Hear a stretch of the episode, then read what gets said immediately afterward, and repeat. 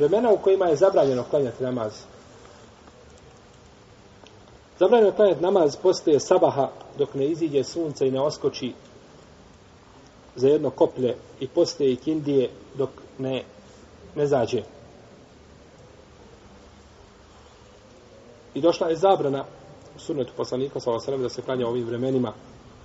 Hadisu Ibn Abbas da je poslanik sa zabranio da se klanja poslije sabaha dok ne izađe sunce i poslije kindije dok ne zađe sunce. I hadis Ebu Sejid al-Hudrija da je poslanik s.a.v. rekao nema namaza poslije sabaha dok sunce ne oskoči, niti poslije kindije dok sunce ne zađe. Pa je u tim vremenima zabranjeno klanjati. No, međutim, ova zabrana, ovaj, vi ćemo kasnije doćemo do nje, nije, a, nije globalna, znači ne veže se za sebaš namaze. Ima ponekad iznimni slučajeva kada je dozvoljeno. I imamo imamo posle ikindije namaz. Posle ikindije kada se kaže, misli, ne misli se, znači posle ikindije odmah nakon namaza, misli se dok sunce ne počne mijeniti svoju boju. Jer je došlo u hadisu koga bileži imam a, Ebu Jala da je, da je to mijenjanje, da je to mijenjanje boje sunčeve iz one jarko žute u crvenkastu boju. I došlo je kod Ibnu Hazma u dijelu Muhalla, navodi se od Ajše radijallahu talanaha i Alije da su klanjali nakon ikindije namaza. I to su sve znači dokazi da se može klanjati prije nego što sunce pođe mijenjati boju, da se ne odnosi namaz posle ikindije odmah nakon ikindije namaza. Vrijeme kada je sunce u zenitu, kaže Ukbe ibn Amir al-đuhani, radi Allahu anhu, zabranio nam je poslanik sallallahu sallam da klanjamo tri vremena i da u ta tri vremena ukopavamo naše mrtve.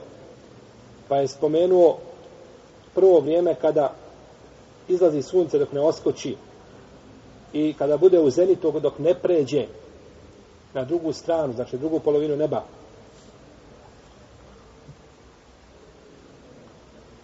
i kada počne, kada krene, kada zalazi, to je prilike ono vrijeme kada šta? Mijenja boju.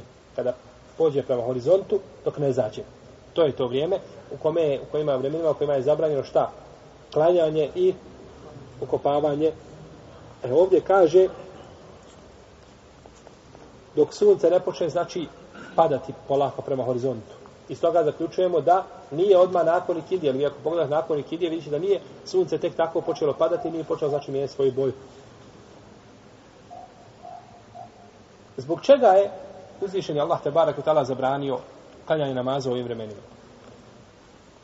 Moramo, braćo, znati da imamo neke propise u šarijatu kako kažu, kako kažu terminologija, kako kaže ma'kulul mana i gajru ma'kulul mana koje mi možemo razumjeti njihov hikmet, njihove zabrane ili svojstva kako će koje su došli možemo razumjeti. A ne, nešto ne možemo razumjeti. Pa ostaje stvar da kažemo šta? Semijana u Atana. Čuli smo i pokoravamo se. Kako kaže imame Zuhri, predaj koji bilježi Buharija, Allah je sebe obavezao da će nam spustiti objavu. Poslanikovo je da prenese, a na šta je da? Da se pokorimo. Naša je da se pokorimo, nije da filozofiramo nego da se pokorimo. Ako je došlo tako u šerijatu, tome se pokoravamo. Pa kažemo zašto je Allah što zabranio ovo, Allah najbolje zna. Zašto je uzvišen Allah te barak je oteala naredio da klanjamo vakšam tri rekiata, sabah dva, Allah najbolje zna. Zašto sedam puta tavafimo, a ne osam, Allah najbolje zna. To su sve, znači, propisi koji kod većine propisa tih ili kod jednog dijela propisa znamo zbog čega hikmet, kod drugog ne znamo. Znamo zašto je uzvišen Allah zabranio šta? Alkohol, zašto je zabranio nemoral, zašto je zabranio kamat, zašto je zabranio, mnoge stvari možemo znači otkriti mudrost toga. No međutim, kod nekih stvari nećemo moći saznati mudrost zbog čega je tako. Pa kada bi se saznala sva ulema i svi mudraci Dunjaluka, zbog čega se to akšan klanja tri rekiata, neće nikada skužiti. I nikada ne mogu kazati zbog toga i toga. Mogu negdje pretpostaviti, recimo po pitanju dizanja ruku u namazu. Zašto se ruke dižu u namazu? Kažemo, ne znamo, Allah najbolje zna. Iako je Imam Šeukjani navodio koliko sećam desetak razloga zbog čega se ruke dižu. Kažu kad digneš ruke kažeš Allahu Ekbar. To je kaže potpuna predanost. Jel tebi kad ne prijete rekne stoj ti kažeš šta? Predajem se. Pa tako. Digneš ruke i predajem. Znači predajem se. Ispred tebe sam i radi šta hoćeš. Tako kaže gospoda moj ja se predajem u potpunosti. Ili kaže neki, kaže Allahu Ekbar, bacam dunjaluk iza leđa, a okrećem se ahiretu, Allahu Đelešanuhu. To su sve pokušaj i čtihadi, šta da se pojasni, mudrost. A možemo reći, e, to je Allah tio time time. Ne možemo. Ne možemo. Što se tiče namaza, ilata ovdje i razloga zbog koga su zabranjeni u ovim vremenima, postoji mogućnost da razumijemo da razumijemo razloge iz hadisa poslanika sallallahu alejhi ve jer je došlo hadisu Amra ibn Abese da je poslanik sa osvijem kada je zabranio da se klanja namaz u ovim vremena, kaže sunce kada izlazi izlazi između šejtanskih rogova i kada se nalazi u sredini a, neba, a, tada je vrijeme kada se rasplamsava vatra džehennemska. I kada zalazi, zalazi opet između šeitanskih rogova. Pa je zbog toga, znači, zabranio, zabranio i kaže to je vrijeme kada su kafiri, kada su mnogobožci činili seždu suncu. Pa vi izbjegavajte šta to vrijeme, da izbjegavate njihovo oponašanje. Pa je znači ovdje pojašen hikmet. Tamo gdje nije pojašen hikmet, braćo, ne treba vam. Nemojte se truditi i patiti. Nemate potrebe da tražite zbog čega. Ljudi su izgubili vremena i vremena u učenju znanja koje ne koristi. Vremena i vremena provode u raspravama od kakvog je štapa bio, od kakvog drveta je bio štap Musa a.s. I od kakvog je drveta bila Laha Nuha a.s.